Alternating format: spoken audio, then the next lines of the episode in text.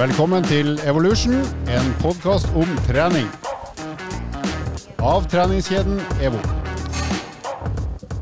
Ja da, når du får lyden av Nordland inn i øret ditt, så vet du at du sannsynligvis hører på enten Radio 8000 Bodø eller podkasten Evolution, og det sistnevnte som er i gang i dag. Vi har med oss en gjest i studio i dag som ikke får lov å si hei enda, men vi kan ta et testhei. Kan du si hei, eh, gjest prikk, prikk, prikk? Hei. Bra. Skal ikke få navnet snart. Så har vi Skjetne God dag. i militær grønnbrun. og så har vi Lars i EVO-drakt I svart. i svart, med rosa logo.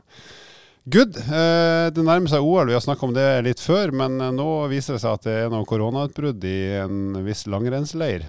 Eh, hva syns vi om det? Er det litt trist, eller? Ja, det gir jo eh, Altså, OL får, ikke den hyllesten det fortjener når det er det som preger måtte, hverdagen, og i, i det minste at de får lov å stille til start. For det er jo det spørsmålet er nå, om de må rett og slett sitte i isolasjon nede i Italia der, damene, og for så vidt òg trenerapparat som man ikke har fått eh, konkret svar på om å få lov å stille. Så det er jo en bismak bak hele greia, ikke det tilskuere. Eh, det er et helt enormt testregime for å komme seg inn. Eh, og så er det ja, alt dette som er stort rundt OL, med åpningsseremoni og nå er jo jeg såpass heldig som har fått lov å oppleve det live, så er det faktisk ekstremt stort. Selv om jeg ikke er utøver, så var det det å gå på stadion der i Pyeongchang, eller Yongchong, det, det var jo stort, og det får de jo i utgangspunktet ikke lov til nå. Ingen som gir den Blir det digital åpningsseremoni på Teams? det hadde vært trist, det. Putin skal åpne. Og så dubba kinesisk.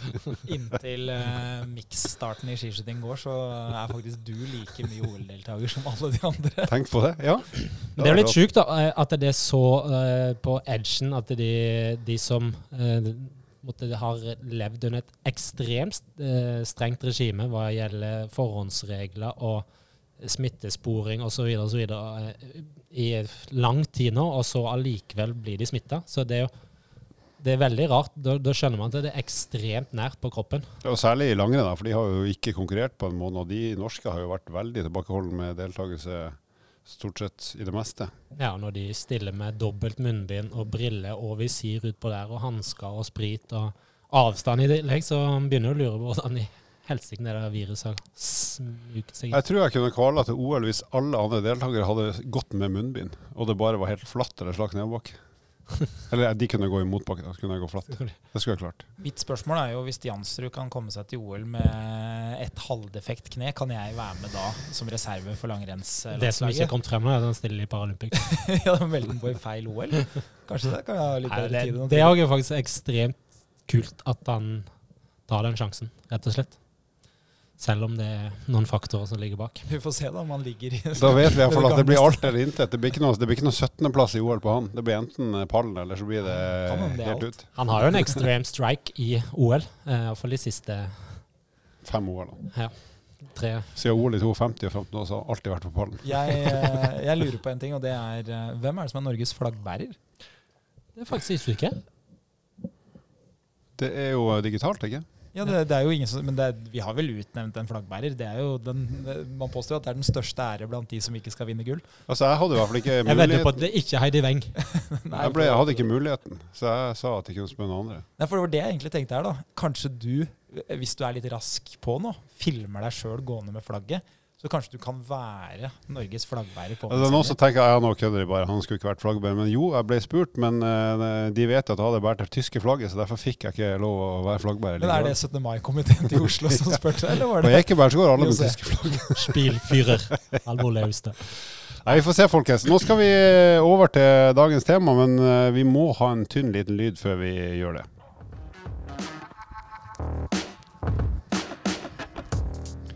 I dag skal vi snakke om fitness, og ikke fitness i den forstand å være i god form, men rett og slett eh, hva skal vi si, idrettsgrenen fitness. Og for å eh, hjelpe oss å belyse det temaet der, så har vi fått eh, Maren Kristine Gran, som er personlig trener på EVO Lillestrøm, og utøver på høyt nivå.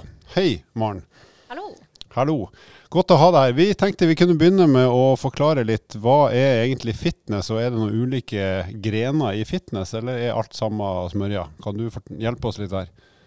Ja, vi har jo forskjellig på både jenter og gutter. Eh, jeg konkurrerte i bikinifitness som er da den eh, minste klassen eh, for jentene. Der er det jo Ja, vi har jo først bikini fitness, og så er det hakket større, som er da body fitness. Og hakket større der igjen, som er women's fysikk. Og hva er fors forskjellen på de tre? Hvis du skal si, Eh, ta bikini-fitness først. Bikini fitness først er jo da, som jeg sa, den minste klassen, som da er minst muskelmasse, men alltid gjengangeren i disse klassene er jo da en X-shape, så illusjonen da om en smal midje, og ja, så da er det jo gjerne at man må ha litt rygg, skuldre, for å få det opp der, og da rumpe, lår ned for å få X-en, og så alt handler jo egentlig om illusjoner der, da, men også i bikinifitness så er det jo veldig mye med femininitet og alt, og man blir jo bedømt på alt når du står på scenen. Det er jo hele looken, det er jo hvordan du går på høye hæler, hvordan du poserer, hvordan hår og sminke er, og hvordan eh, Ja, utstråling, egentlig. Egentlig hele totalpakka. Ja. Smil og hele pakka. Og det du sa Ja. i forhold til det her med rumpe og lår, blant annet, så skjønte jeg at det var derfor jeg ikke var med i de konkurransene, tror jeg. For det har jeg jo ikke. Ja, fordi du, altså, du er en rett strek som ikke smiler. Ei veistikke, som de sa på nordnorsk. En sånn som viser hvor bøytebilen ikke skal kjøre utafor. Du er jo et godt eksempel på hva man ønsker å komme seg bort ifra. Rundingsbøye eller veistikke. Veistikke og rundingsbøye. Så har vi body fitness. Hva er det? Det er jo da klassen som er hakket større enn bikinifitness, og også enda lavere i fettprosent. For det er jo, går jo litt gradvis der òg. I bikinifitness så skal det jo være relativt lean og relativt lav fettprosent, men det skal ikke være noe sånn tverrstriper som synes. Du skal jo ikke se muskelfibrene på den måten som man da skal i høyere grad i body fitness. Og så er det jo da også forskjellige poseringer. Men også i body fitness så er jo femininitet og hvordan du ter deg også veldig viktig. Kan jeg spørre da, Hva er forskjellen på body fitness og det vi populært kan si er kroppsbygging? Bodybuilding. Er det det samme, eller? Er det ulikt? Nei, det er ikke det samme. Det er jo helt andre poseringer. Og vi har jo også noe som heter women's bodybuilding, men det er jo ikke like utbredt lenger. Og det er jo ikke en klasse vi har i Norge heller. Eh, så det nærmeste vi kommer til bodybuilding, er jo women's fysikk, da. Ja, og da drar vi en runde på hva er det? Det er jo da hakket større igjen, og også litt andre poseringer. Eh, og så er det jo også forskjell på bikiniene i bikinifitness og bodyfitness, blant annet. da. Hva er forskjellen for oss som eh, ikke har bikini sjøl? Det er jo eh, En bikini-fitness-bikini er jo mer klassisk vanlig bikini-undertøy. Og en body-fitness-bikini er jo da Har en sånn sammenhengende greie på ryggen, sånn at eh, det blir en litt annen form på kroppen. Da, en litt annen illusjon. da. Mm. Og fysikk, da. De stiller også i bikini, eller? Eh, ja. Ja. ja. Hva slags type antrekk er Det er vel uh, mer likt som uh, body-fitness. Ja. Ja, Da har vi skjønt at eh, fitness er mer enn bare et ord. Det er rett og slett litt ulike kategorier av eh, kall idrett og grener. Og det vi tenkte å snakke med deg om da utover det her, det er å forstå litt hvordan, er, hvordan ser livet ut til en fitnessutøver som har lyst til å bli god. For det går jo an å bli god i det her. Det er ikke bare å melde seg på en konkurranse, så, eller det kan man sikkert gjøre, og stille opp. Men altså, hvis man har lyst til å gjøre det godt i sånne konkurranser, i en eller annen fitnesskonkurranse, så må det jobbes litt. Så kan du dra oss litt igjennom eh, hvordan ser en vanlig dag ut for deg som fitnessutøver når du ikke er rett før konkurranse, men rett og slett bare en sånn normal dag i et fit en fitnessutøvers liv, når du er liksom og satser på å bli god. Ja, på offseason. off-season Så det er jo forskjell på off-season og on-season her, og da kan vi snakke off-season. Da, er det, det det betyr at det er lenge til konkurranse. Ja, Ja. rett og slett. Starter det type ett år i forkant, eller er det, hvor langt perspektiv har vi? Eh, jeg bestemte meg jo da og begynte å bygge spesifikk fysikk i 2018, så tre år før på meg, da. Ja. Så det betyr, Halvor, at i eh, 2038 Da kan du vinne veteranklassen. Det betyr at i 1978 burde jeg ha begynt med det her. yes, kom an, kjør. Ja. Offseason. En dag i offseason. Ja, så da er det jo Da lever man jo relativt vanlig egentlig, men man har jo ekstra fokus på kosthold og trening generelt da, enn hva folk flest har. Og hvordan man legger opp treningen og alt som den største forskjellen der er jo fokus på å gjerne bygge muskulatur og utvikle fysikken, da. Så treningen er jo lagt opp til å forbedre det og optimalisere alt med hvordan du kan se ut da på scenen. Så hvordan trener du da når målet er å bygge muskulatur, altså øke muskelvolum? Og så er du ikke så i forhold til det her med matinntak og sånn, så kan det jo være litt rausere siden offseason. Så hvordan, hvordan trener du da en typisk dag i offseason? En typisk dag i offseason Jeg har jo delt opp da et uh, split-program, hvor jeg da trener um, push-pull-legs, da, som uh, der, og da er det bryst, skuldre og rygg og baksideskulder, og da bein, da, for min Mm. det del. kan være én treningsdag som har det Nei, nei, nei, det, er, det er tre oppdelinga. forskjellige. Ja, du har delt opp i tre. så, Ja. um, eh, det er jo da for å spre det totale volumet litt utover uken, da. Og da kjører du på de ulike delene av kroppen kjører du én gang i uka per, eller kjører du to ganger i uka, eller? Jeg kjører to ganger i uka. Mm. Gjør det. Og der har du allerede der seks dager styrketrening. Minst, har du ikke det, i denne uka? Eh, fem til seks, for jeg kjører da tre dager, og så en hviledag, da. Kan du si noe om hvordan den treningen bare litt enkelt er, er bygd opp? Sånn prinsipper, sånn at de som lytter på, kan lære noe av det? Ja, vi tar jo først eh, De tyngste øvelsene er jo alltid plassert da først i programmet, sånn at jeg kan yte best mulig på de, og løfte tyngst mulig. Og det er sånn typisk knebøy, markløft, bullups, ja. Helt benkpress. riktig. Ja. Helt riktig. Så de øvelsene som krever mest energi og fokus, er jo da tidligøkta. Og så har man jo da mer isolerte øvelser som går på litt mindre muskelgrupper. Det er da plassert litt senere, da. Riktig.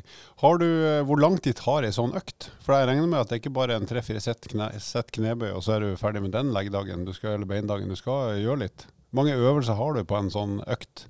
Eh, det er jo ikke noe særlig mer enn fem-seks, egentlig. Men det tar jo tid. Jeg trener sjelden mindre enn en og en halv time, i hvert fall. Og det er jo fordi jeg trenger tilstrekkelig med mm, hvile mellom sett for at jeg skal da yte best mulig og løfte tyngst mulig da, Så, så hvor mange repetisjoner har du i en sånn serie, og hvor lang pause har du mellom hver serie når du trener sånn? Det er jo stort sett tre sett jeg kjører, og så kan det være alt fra seks til tolv repetisjoner, litt avhengig av øvelse. Eh, og pausen varierer også litt fra øvelse til øvelse, men det er jo store øvelser som da knebøy og markløft, så har vi gjerne litt lengre pause, da. Så, Og det er jo type da to-tre minutter.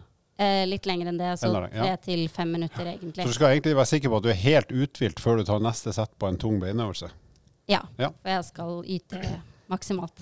Dette detter jo i utgangspunktet innunder det vi kaller hypotrofitrening, altså muskelvolumbygging eller økning. Eh, og da handler det om, i utgangspunktet om å trene til utmattelse, så du gjør jo i prinsippet det bare du har lengre pause fordi du òg i perioder og kanskje ikke så mye offsiden, men når du nærmer deg eh, on-season, om konkurransesesong, så har du jo lavere energi, eller mindre energi, så det krever jo mye mer av deg. Sånn i utgangspunktet, sånn prinsippet. Ja, Mm. ja helt riktig. Men har du, eh, som du ser av oss rundt bordet, og spesielt Andreas og meg, så eh, er vel vi mer i Hei, sånn hei, hei, hei, hei. Vi er vel litt mer mot kondissegmentet sjøl. Har du noe kondisjonstrening i noe særlig grad? Eh, nei, jeg burde hatt det sånn for eh, helsa sin del, egentlig. Men eh, jeg har ikke hatt det. Det eneste er jo Jeg har da et daglig mål om skritt, bare for å rett og slett ha inn hverdagsaktivitet, fordi det er Mm. bra for deg. Og hvor mange skritt er det da du typisk vil ha inn på en sånn dag? På vanlig dag off-season her, så er det 10 000-11 000 skritt. Det er jo en eh, grei mengde, det. altså Da er det jo godt innafor det som er anbefalt for alle som vil ta vare på helsa si, sånn sett. Ja, så og det, det pluss at du trener halvannen time minst tung styrketrening, så får vi si at det er godkjent. Eller hva, gutta? Ja. Men hvis vi går litt til maten, da. For nå, altså, du trener tung, tung styrke med ja, seks til ti-tolv repetisjoner. Som Lars sier, det er sånn typisk volumtrening. Og så har du gode pauser, særlig de tunge øvelsene, for at du skal være mer eller mindre fullt restituert, så du kan løfte så tungt som du vil i hver serie. Som er et godt poeng. For hvis du gjør sånn som meg, da, som har veldig korte serier, så får jeg gjort mye på kort tid, men jeg blir ikke så mye sterkere av det. Det er jo mer at jeg opprettholder et for min del ganske svakt nivå, da. Men det er bedre enn ingenting. Men hvordan spiser du da, fra du står opp til du har gått og lagt deg på en sånn dag? Eh, det er jo litt varierende ut ifra jobb også, som PT.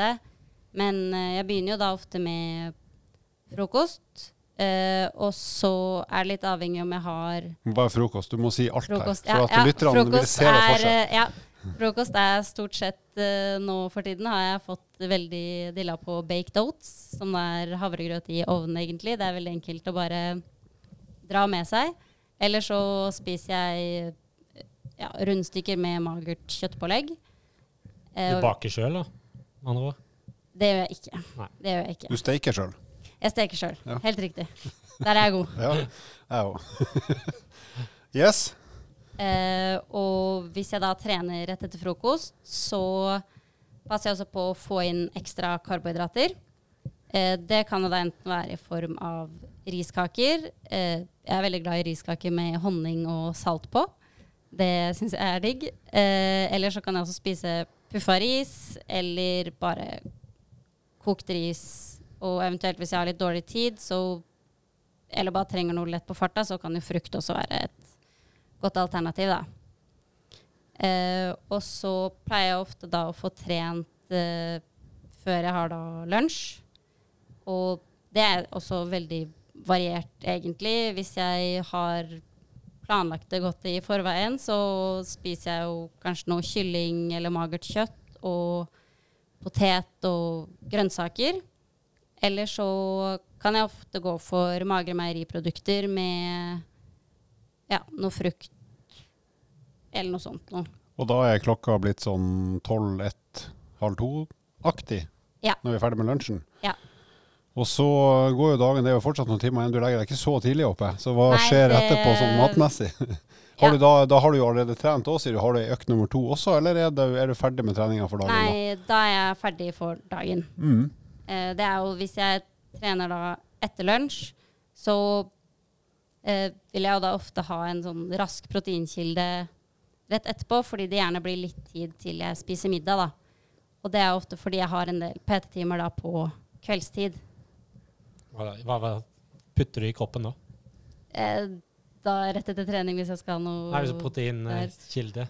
Det er stort sett en proteinpudding eller noe sånt noe som smaker digg.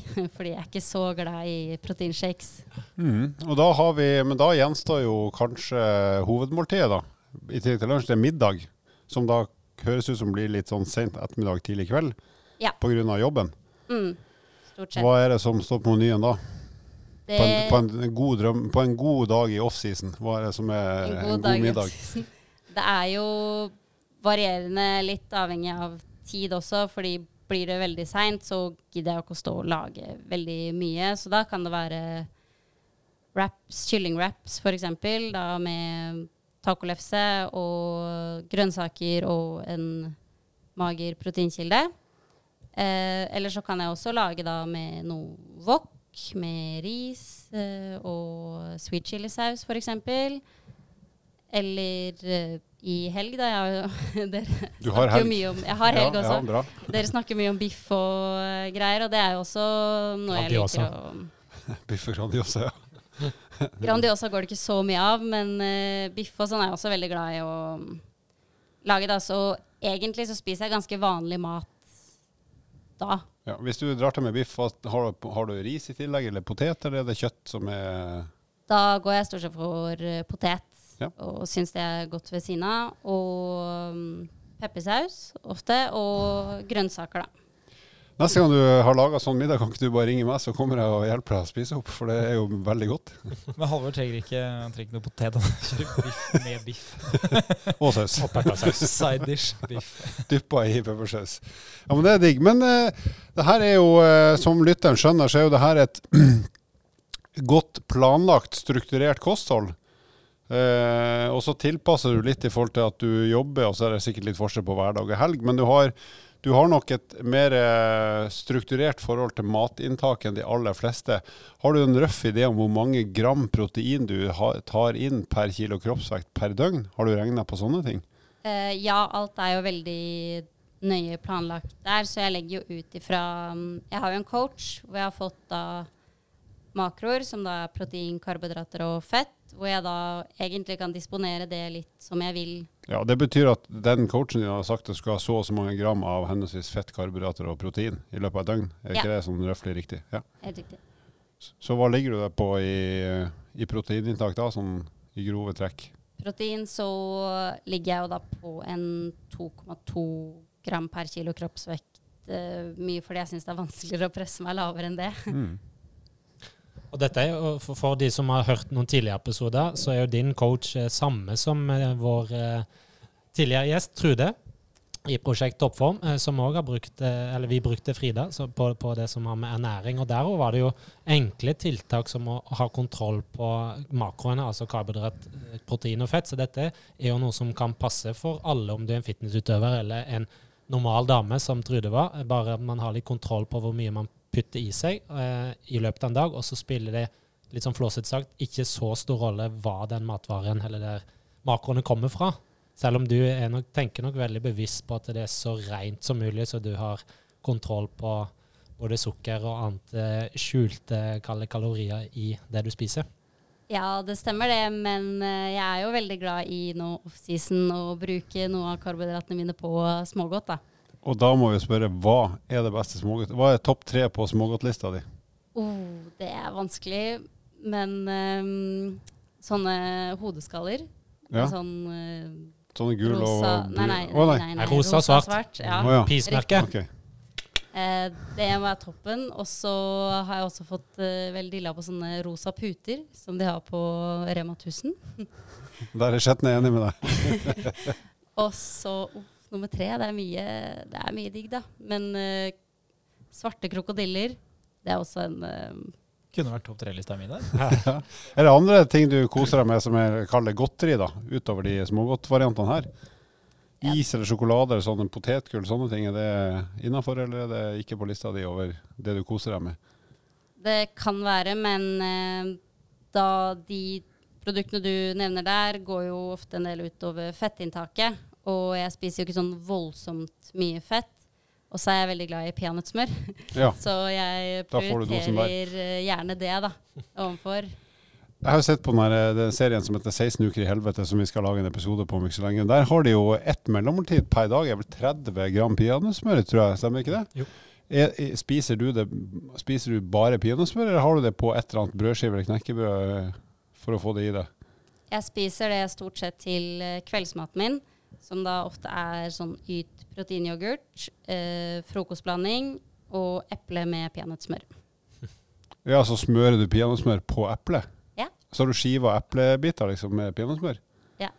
Ja. Ja, da, Fitnesslivet, Halvor. Det har ikke jeg prøvd.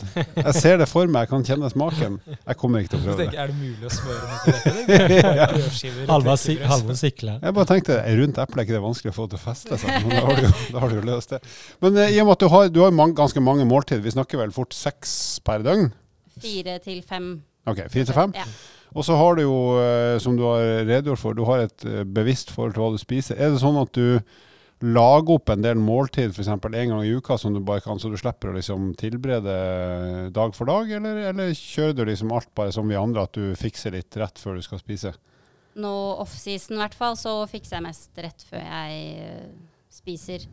For det er ikke like mye mikmak og trenger ikke å være like mye planlegging heller når jeg ikke er i underskudd, da. Altså Målet ditt i offseason er egentlig å ha nok energi til å kunne trene med høy kvalitet, og selvfølgelig også nok proteininntak til å være sikker på at det i hvert fall ikke ødelegger for økning av muskelmassen. Er det, er det sånn røftlig oppsummert målsettinga med maten din utover at det skal smake godt, da, sånn i offseason? Det er helt riktig. Eh, Vi har vel alle rundt bordet hatt en, en type fitnesskarriere. Eh, Vi har jo aldri gått på idrettshøyskolen og vært bevisst på hvordan man trener. Fitnesshøyskolen? Ja, Mm. I gassbuksa til, til Halvor og singlet. Men Eh, Jeg tenkte jeg skulle bare fortelle litt om min karriere. og Det handler litt om, om spørsmål til deg, og det handler litt om kosttilskudd og bruken av eh, altså andre preparat. eh, Ikke doping, misforstå meg rett, men eh, som man kan få økt på en prestasjon med. Og, og mange har jo en oppfattelse av at man lever på torsk og brokkoli, og det har jeg sjøl gjort i en periode. og det da tror jeg man misforstår litt i utgangspunktet, selv om det er nok mange som gjør det òg. Og så er det, hører jeg sånn omtale, altså polarbrød, at det blir omtalt som fitnessbrød, eh, blant annet. Eh, og eh, det som er poenget er i forhold til kosttilskudd, altså bruker du noe eh, Man har jo hørt om pre-workout som man bruker for å øke fokuset og koffein og en del andre, f.eks. betalanin som er i der, som øker blodgjennomstrømming osv. Eh, eller proteintilskudd, som du sa òg sjøl, at det er ikke du så glad i, men du bruker noe annet. Eh, eventuelt kreatin. altså Er det noe du bruker av disse kosttilskuddene? Jeg bruker eh, kreatin fast uh, hver dag. Uh, Hele året, eller? Ja. Eller av og på? Ja, hele året. Det er okay. året rundt. Ja. Uh, også omega-3, fordi jeg spiser ikke fisk. Mm. Er det for at du ikke liker fisk? Ja. For det er lov å ikke like fisk. Allergisk. Ikke sant? I hvert fall ikke torsk. kan kalle meg allergisk. Eh, Kom unna med det. Det er som Andreas pleier å si, det var fisk til lunsj i dag. Ja. ja. Så gikk han ned på brødbakeren og kjøpte seg en loff. Hvis, ja. Mhm. ja. Men det er jo egentlig ingen andre kosttilskudd enn det. Jeg bruker ikke så mye pre-workout, men jeg får jo ofte da i meg noe koffein før jeg trener. Og nå liker jeg ikke kaffe, da, men det kunne vært kaffe også. Det er ikke, jeg er ikke så glad i den prikkinga fra beta-alanin og sånn heller. Til de som ikke vet da hva kreatin er, da, så er jo det egentlig et stoff som finnes naturlig i kroppen. Så det er ikke veldig hokus pokus. Men um, det man ser er at hvis man inntar da kreatin, som er et pulver, så vil man kunne øke mengden kreatin som finnes i, i muskelmassen.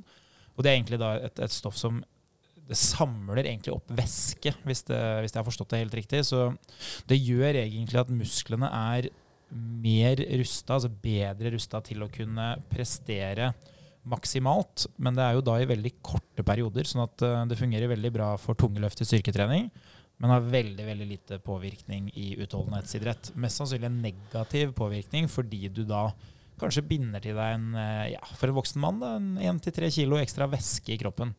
Men eh, jeg har jo selv i perioder eh, brukt kreatin når eh, jeg har løfta f.eks. inn mot en sånn type julebenk, da hvor man skulle løfte benkpress.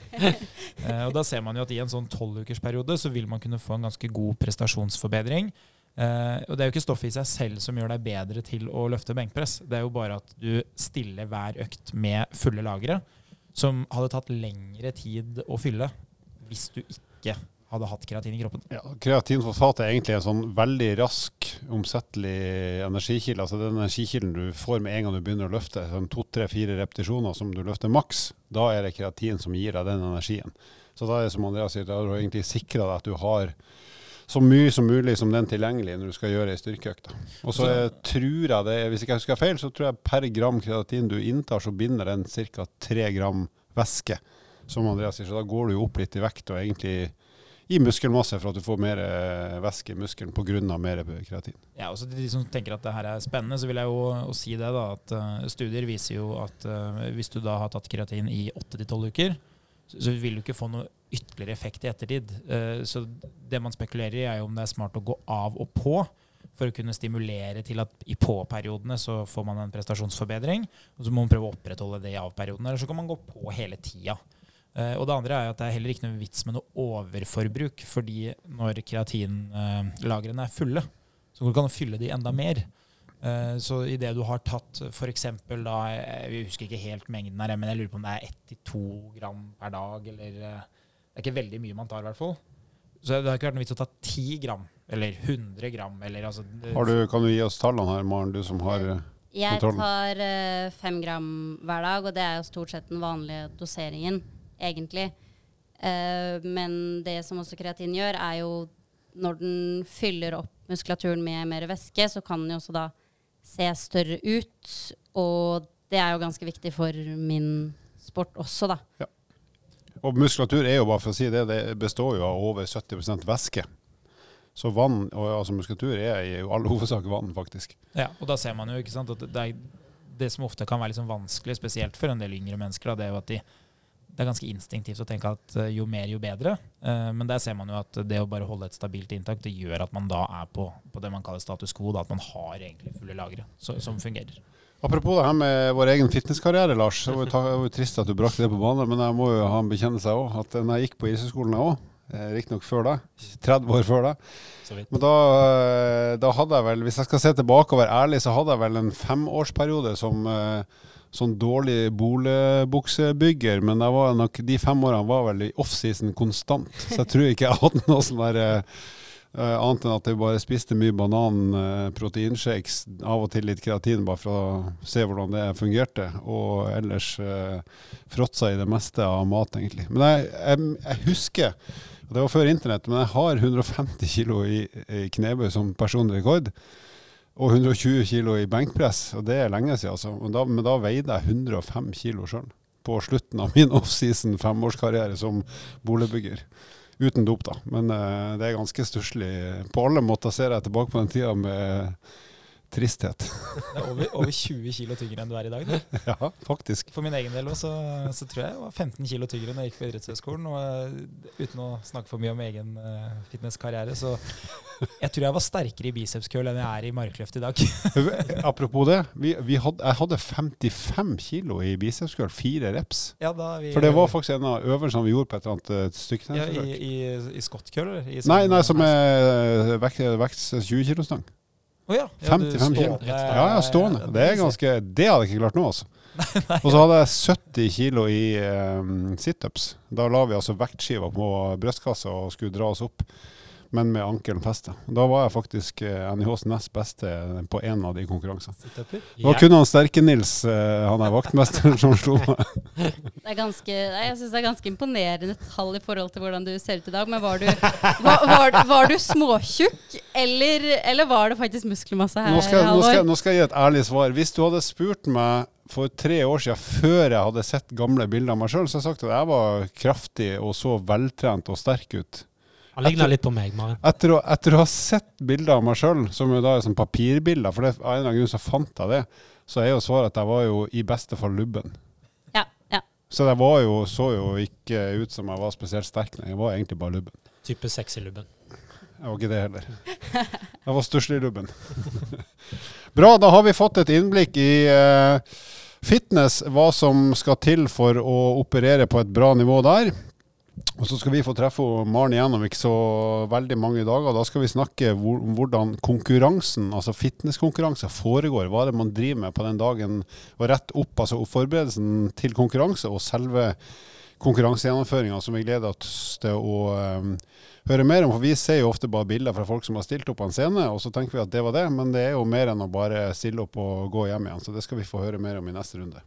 Det, det som jeg liker veldig godt sjøl, er jo hvis man ser til de som gjør noe veldig bra, om det er idrett eller, eller hva det er, så, så finner man ofte det man uh, omtaler som det mest optimale.